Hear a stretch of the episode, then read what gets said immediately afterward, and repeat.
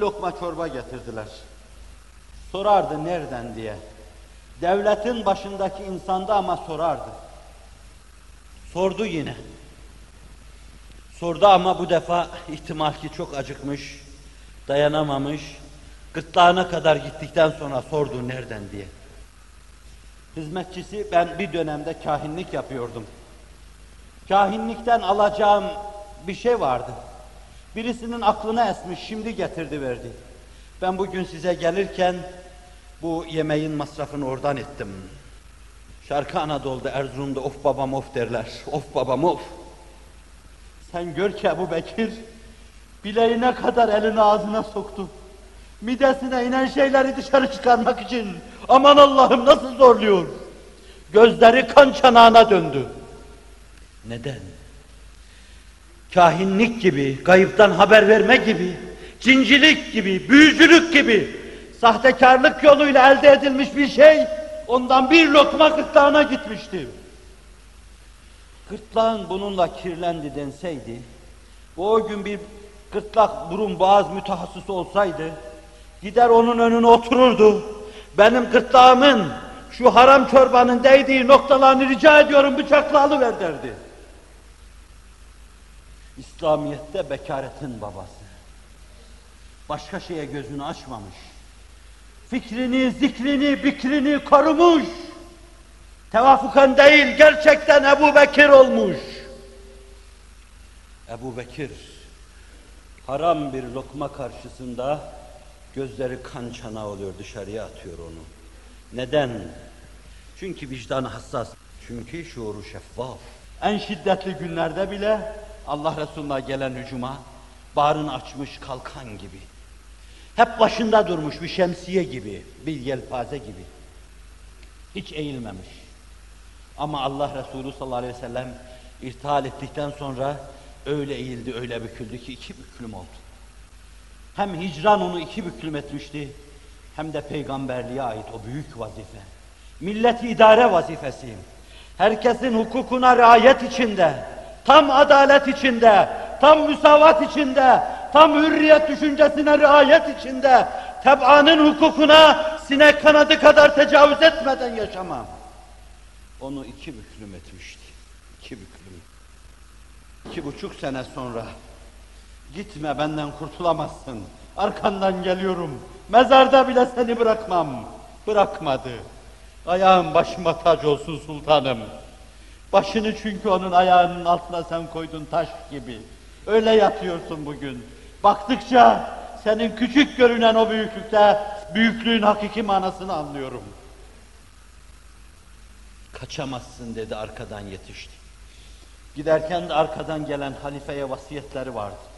Bu vasiyetler arasında ihtimamla polis refakatinde bizim devlete ait Merkez Bankası'na ait hazineleri taşıdığımız gibi hassasiyetle. Hassasiyetle emniyet içinde arkadan gelen halifeye, devlet reisine götürülecek bir güveç gönderiyordu. Bizim çocukların kumparaları gibi bir şey.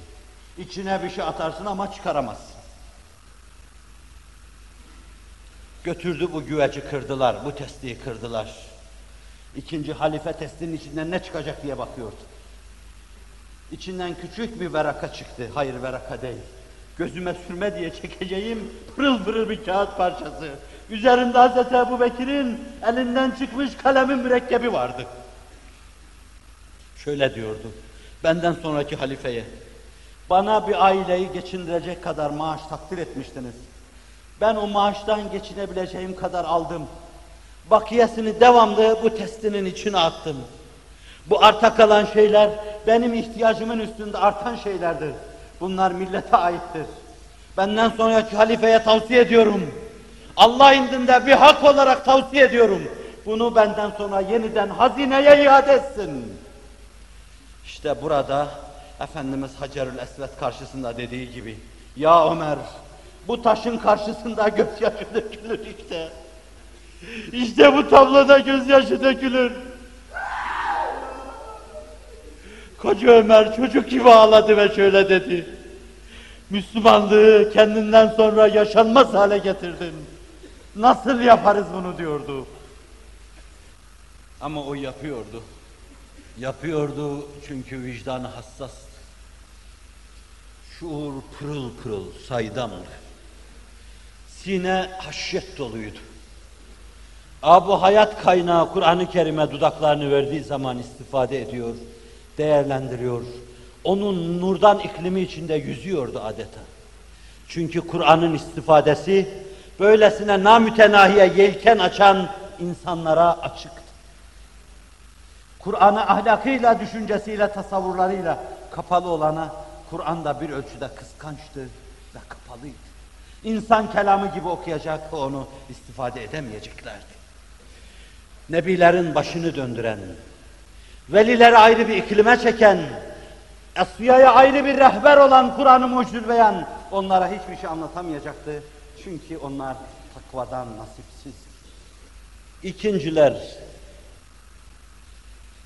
uçurumlardan aşağıya gitmeme, rampalara takılıp kalmama, kandan irinden deryalarda boğulmama, fena duygu ve fena tutkuların kıskancı içine girmeme, akrep kıskancına taht kuruyor gibi zehir üzerine oturmama. Bir manada da takva budur. Yine Cevamül Kelim'den yani çok özlü, az sözlü, çok manalı mübarek sözlerindendir. Huffetin nar bil şehvat ve huffetil cenne bil mekari. Ev hucibetin nar bil mekari. Ev hucibetin nar bil şehvat ve hucibetil cennetu bil mekari. Ev kema kal.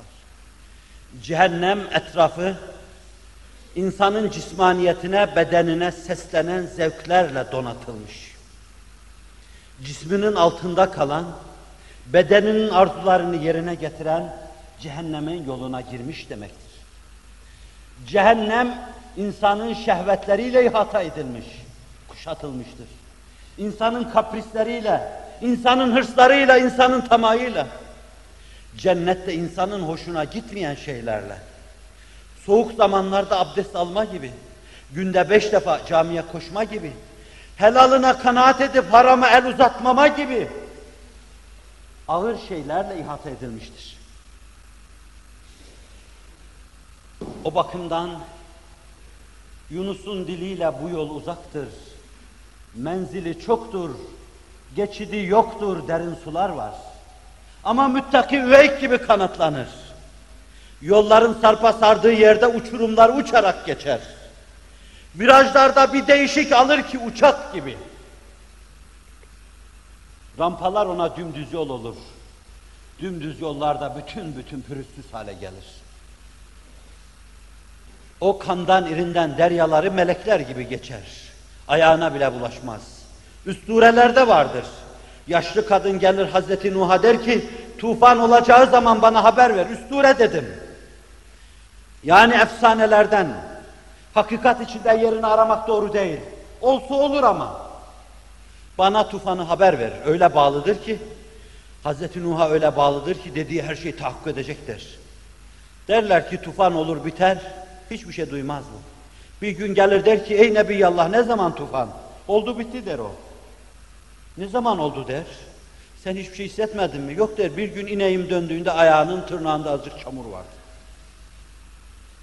Müttaki kandan irinden deryaları aşarken ayağının ucuna çamur bile bulaşmaz. Size çent defa arz ettim. Sıkılmıyorsanız yine arz edeceğim. Aman sıkılmayın. Ben sizi görünce inşiraha ulaşıyorum. Muhabbet fedailerini görünce yüreğim kabarıyor. Dilim gönlümün yükünü taşıyamayacak kadardır. Ne kadar arzu ederdim gönlümde duman duman kabaran şeyleri bir kitap gibi açıp sizin önünüzde sereyim. Ama Akif'imizin dediği gibi diyeyim. Hissederim söyleyemem. Dili bağlı kalbimin bundan pek bizarım. Dili tutuk bir insanım. Hissiyatıma tercüman olamam. Olamadım. Sizin samimiyetiniz karşısında inşiraha kavuşuyorum. Sıkılmayın.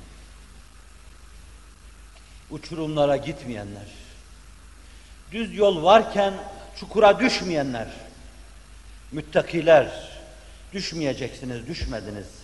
Damarlarınızda cereyan eden kanın şehvet, şehvet diye hükmünü size geçirmek istediği şu günlerde, şu dakikalarda, şu saatlerde emsaliniz kim bilir nerelerde beytutet ediyor. Saatlerini, dakikalarını nerelerde geçiriyor. Ben utanıyordum sabah sizin karşınıza çıkarken. Gece azıcık uzanırken de utanıyordum. Kendi kendime dedim ki ya Rabbi bunlar camiyi şu saatlerde doldurdular. Ben nasıl böyle sanırım ayaklarımı uzatırım. Utanıyordum. Siz mükemmel bir kendinizi aşmışlık içinde, nefsaniliğinizi aşmışlık içinde, bedeninizi aşmışlık içinde mescide gelip koşacaksınız, varacaksınız, ulaşacaksınız. Bir de kendinizi sıkıştıracaksınız. Nelerle sıkışacaksınız? Burada oturacaksınız. Neye? Fahri kainat mı gelmiş? Haşa ve kella. Onun yakınından birisi mi gelmiş? Haşa ve kella. Kabul buyururlarsa ben de hayatımda böyle dua ettim. Kapılarında kıtmir buyururlarsa ona namzat, namzetim, ona talibim.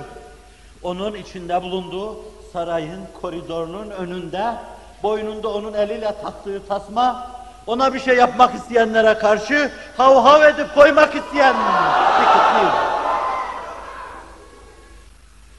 Allah ona bir derece vermişse sadece sizin içinizde bulunmadandır. Siz inşallah cismaniliği aşacaksınız. Çünkü sizi bekleyen vazifeler cismaniliği aşmanızı gerektiriyor. Bedenin altında kalmamanızı gerektiriyor. İkinci fasıl dedim buna. İkinci fasılda Ömer'im,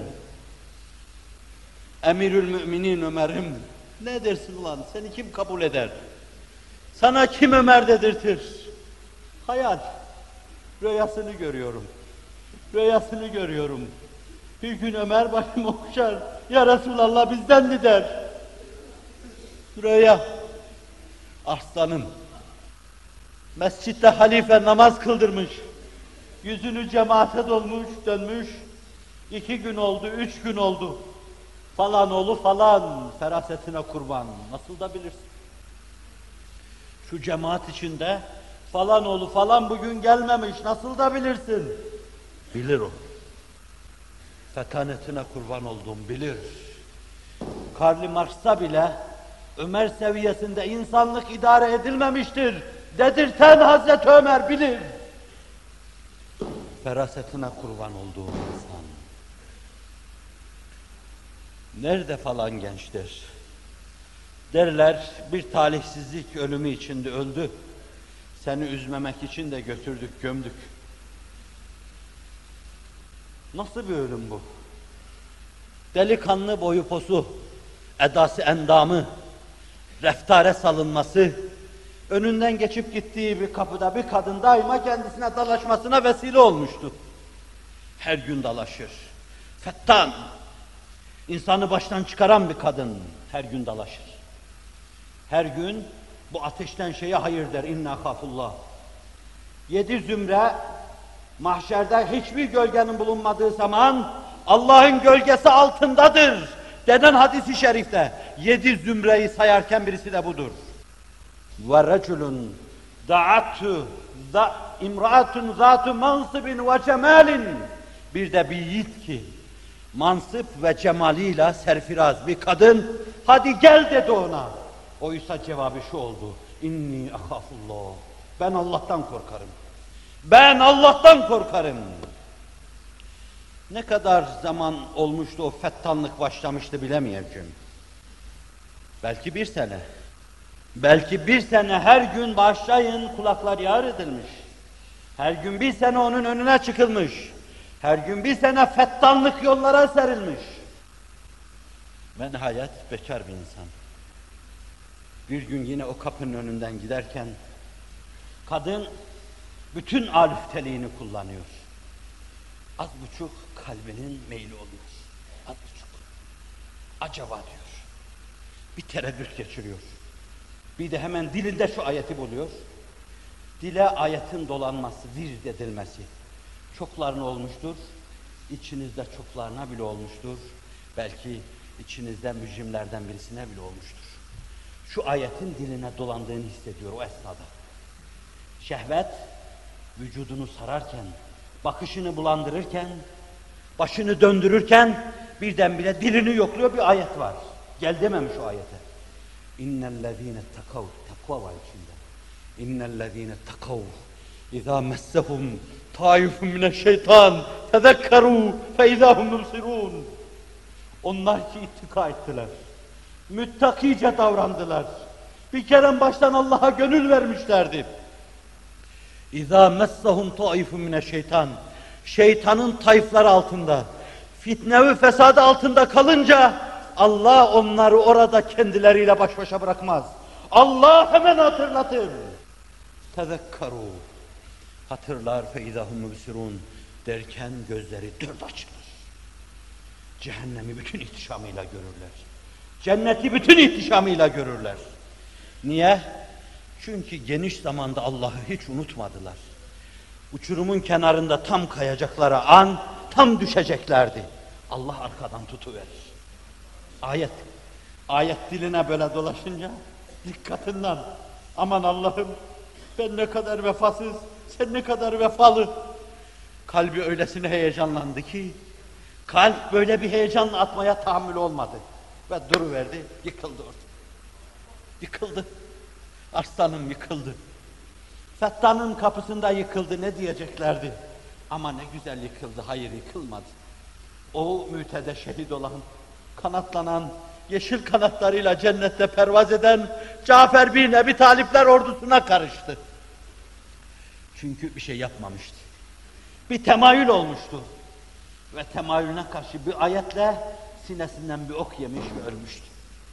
Götürmüş gömmüşlerdi. Hazreti Ömer'e meseleyi hikaye edince koştu. Çok vefalıydı, vefalı. Arkasında namaz kılanlardan biri ölmüş gitmiş. Koşacak mezara, ona bir selam çakacak, bir dua edecek. Selamun aleyküm dâre kavmin mu'minin. Ve inna inşaallahu bikum lahikun. Gafarallahu li ve lekum ecma'in diyecek. Mezarının başına dikildi. Gayba seslenen Ömer. Bir gün Medine minber, minberinde, üç beş gün ötede ordu kumandanı Hazreti Sariye'ye Ya Sariye el cebel, el cebel diyen Hazreti Ömer. Ve dört gün ötede Ömer'in sesini duyup arkadan kıskanca almak isteyen düşmanın üzerine hücum eden Hazreti Sariye'ye sesini duyuran Hazreti Ömer. Mezar, mezarın başında yine o erkekçe gür sesiyle Ya feta diye seslenir Delikanlı وَلِمَنْ خَافَ مَقَامَ رَبِّهِ cennetan Allah'ın huzuruna çıkmadan korkan, içi haşyetle dolu olan bir insana Kur'an iki cennet vaat ediyor der. Mezar Ömer'in gür sesiyle inlemiştir. Yankılar, mütedahil daireler gibi hala devam etmektedir. Birdenbire bu yankılara, bu sese bilinmedik bir alemden gaybi bir ses karışır. Ayrı bir halaka teşkil eder. Bu ses nereden geliyor? Bu ses herkesin ayaklarının altından geliyor. Bu ses ötelerden geliyor. Bu ses ilahi alemden geliyor. Ya emir el müminin inni vecettu merreteyn Ey peygamberlerin emiri ben o senin dediğini iki defa buldum burada. Tek defa değil iki defa buldum der. Bulacaktır. Orada Kur'an'ı dilinde bulduğu gibi bulacaktır. Cenneti bulacak ve limen khafe makame rabbihi cenneten. Rabbisinin huzurunda bulunmanın muhasebesini, mürakabesini vicdanında yaşayan ötelerde cennetlere birine değil ikisine namzettir. Ama aşağıdan gelen, hayır estağfurullah aşağıdan değil. Kemiklerini saklayan toprak olsa bile o ses yukarılardan geliyordu, semadan geliyordu. Semadan gelen sesle bir mümine verileceğin iki katının verildiğini görüyoruz.